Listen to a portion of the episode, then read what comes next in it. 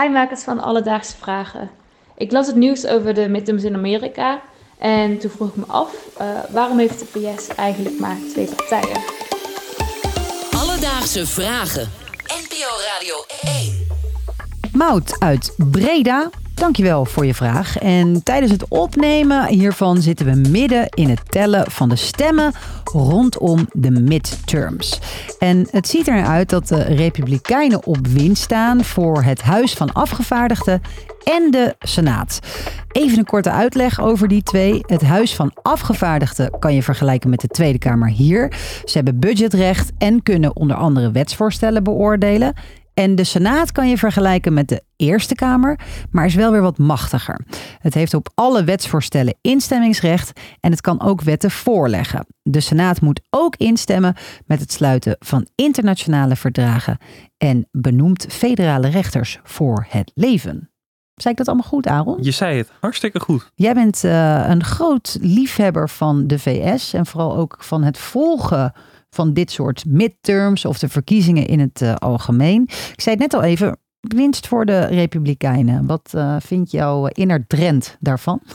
Het had erger kunnen zijn, laat ik het zo zeggen. Ik ben blij uh, dat het verlies van de Democraten tot uh, beperkt is. Beperkt is, ja. ja. Want iedereen zei van tevoren dat er misschien een soort mega winst voor de Republikeinen. De Red Wave. De Red Wave.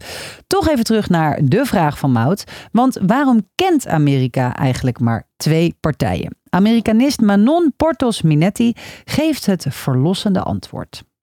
Bij de verkiezingen voor president en het congres is er een winner takes it all regel. Dus degene die de meeste stemmen heeft, die wint.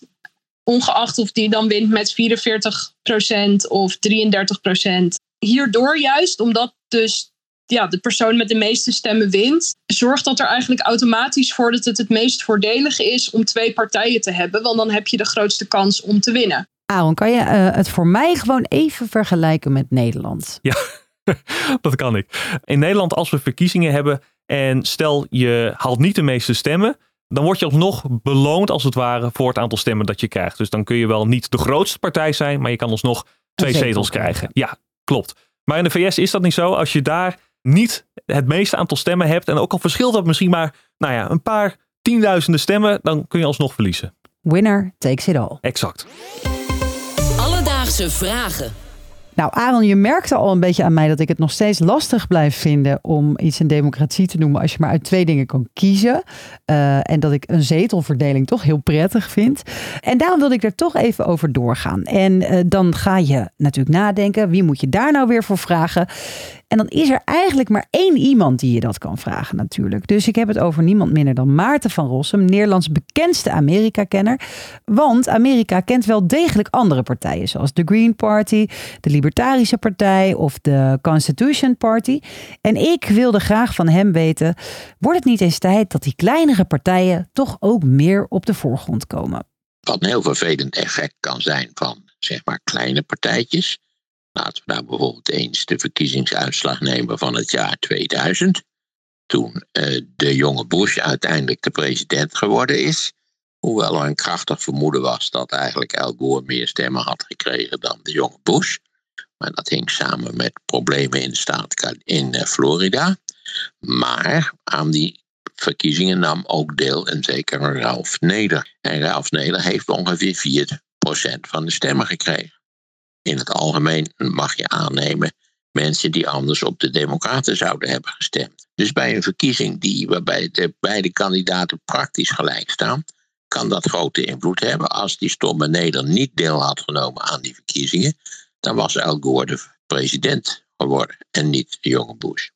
Dus kleine, kleine partijtjes kunnen een vervelend verstorend effect hebben. Ja, ja daar uh, noemt Maarten toch iets wat wel. Uh belangrijk verstoring, is. Ja, verstoring inderdaad van het democratische bestel in de VS. Nou, en een gesprek wat ik vaak met mijn vrienden voer is eigenlijk een soort van kunnen we de VS nog wel een democratie noemen? Konden we het ooit een democratie noemen? Als je dit allemaal bij, bij elkaar optelt, uh, blijft dat vraagteken eigenlijk nog steeds staan. En ook dat legde ik natuurlijk voor aan Maarten. Tot op zekere hoogte is, zijn de Verenigde Staten een democratie. Vooral ook omdat vaak op lokaal niveau het betrekkelijk democratisch toegaat. Electorale keuze van de sheriff of van het schoolbestuur, dat soort van dingen. Maar over de hele linie, in, laten we zeggen, kijkend naar de, de federale structuur eh, van het geheel, dan zou ik zeggen, nou, de Amerikaanse democratie stelt niet veel voor, zo zou ik het formuleren. Dus, Mout, waarom heeft de VS maar twee grote partijen? Dit komt omdat er in de VS een federaal kiessysteem is. Er is daar sprake van een winner takes it all situatie. Dat betekent dat je per staat procentueel moet winnen. Je kan als kleine partij meedoen, maar de kans dat je de grootste wordt is echt heel erg klein. Daarnaast kunnen kleine partijen ook nog eens de verkiezingen in de weg zitten, doordat dit weer stemmen kost die normaal gesproken voor één van de twee grote partijen zouden zijn. Heb je nou ook een vraag? DM ons op Instagram, het Alledaagse Vragen. En je kan natuurlijk ook een mailtje sturen, alledaagsvragen.radio1.nl Alledaagse Vragen. NPO Radio 1. BNN Vara.